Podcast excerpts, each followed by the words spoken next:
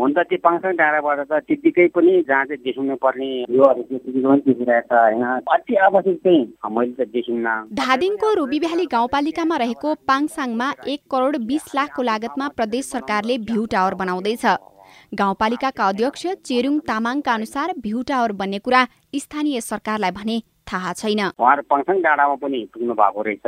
अनि पछि मात्रै मैले फेसबुकमा हेर्दाखेरिको ए उहाँहरू चाहिँ अब मान्य लगायत चाहिँ त्यहाँ पुग्नु भएको रहेछ। यो भ्यू टावरको लागि हामीले चाहिँ कुनै निवेदन पनि गरेको छैन। यस्तो गर्दैछ भने केही खबर पनि आएको छैन त्यहाँ आवश्यकता भनेको छ बाटो हो तपाईँको रोडको लागि हो। अब ट्याक्सी छोएर मात्रै काम भएन एकदमै हिलो छ। कुलो काटेको छैन ग्यारिङ छैन। हो त्यही एक करोड बिस लाखले बरु पाँच पाँच मिटर भए पनि त्यसलाई चाहिँ ग्राभल गराउन पाए अथवा त्यो ट्यागलाई चाहिँ राम्रोसँग फुलो कटाउनु पाए। सोलुखुम्बुको लिखुपिके गाउँपालिकाले प्रदेश एक सरकारको साझेदारीमा पचास करोड लागतमा पिके डाँडामा भ्यू टावर बनाउँदैछ।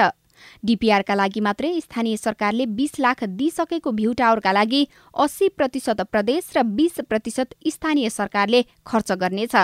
गाउँपालिकाका अध्यक्ष डम्बर बहादुर बस्नेत। गाउँपालिकाको चाहिँ सबैभन्दा पर्यटकीय दृष्टिकोणले हाम्रो चाहिँ पिके मुख्य ठाउँ हो। स्वदेशी अब विदेशी पर्यटकहरूलाई चाहिँ राम्रो सजिलो तरिकाले चाहिँ पिकेमा गएर चाहिँ माउन्ट एभरेस्ट लगायत नेपालका धेरैवटा हिम श्रृङ्खलाहरू चाहिँ अध्ययन गर्न सकियोस् भन्नका लागि हामीले गाउँपालिका स्तरीय चाहिँ केही साथीहरू छ हामीले चाहिँ अध्ययन अनुसन्धान गर्यौँ पाँच थरको फिदिम नगरपालिका दुईको रमिते डाँडामा नयाँ सहर आयोजनाले करिब पाँच करोडको लागतमा चार रोपनी जग्गामा भ्यू टावर बनाइरहेको छ। बयालिस सय मिटर उचाइको धादिङको पाङसाङ चौवालिस सय मिटरको उचाइको सोलुको पिके डाँडा आफैमा अग्ला डाँडा हुन्। त्यसमाथि करोडौंको अग्ला टावर। के साँच्चीकै त्यसले पर्यटक तान्ला? विकासविद किशोर थापाको टिप्पणी यस्तो छ। अग्रगामी भन्ने नेताहरू नै मन्त्री भएपछि उही भ्यू टावर बनाउनुतिर लाग्छ। मलाई त गजब के लाग्छ भन्दाखेरि उसले यो मुलुक नचिने हो कि?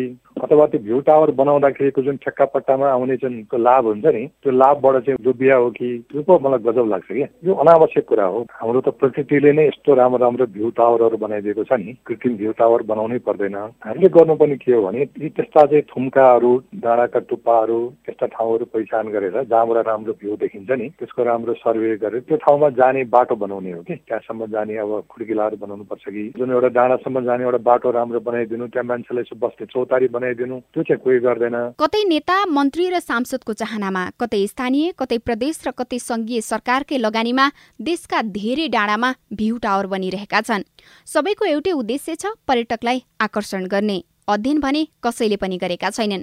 वर्षमा चालिस हजार पर्यटक पुग्ने सोलुको दुधकुण्ड नगरपालिकाले अध्ययन गर्दा भ्यू टावरले पर्यटक ल्याउन बल नपुग्ने भन्दै पहिलो वर्ष छुट्याएको बजेट पनि अरू काममा लगाएको थियो।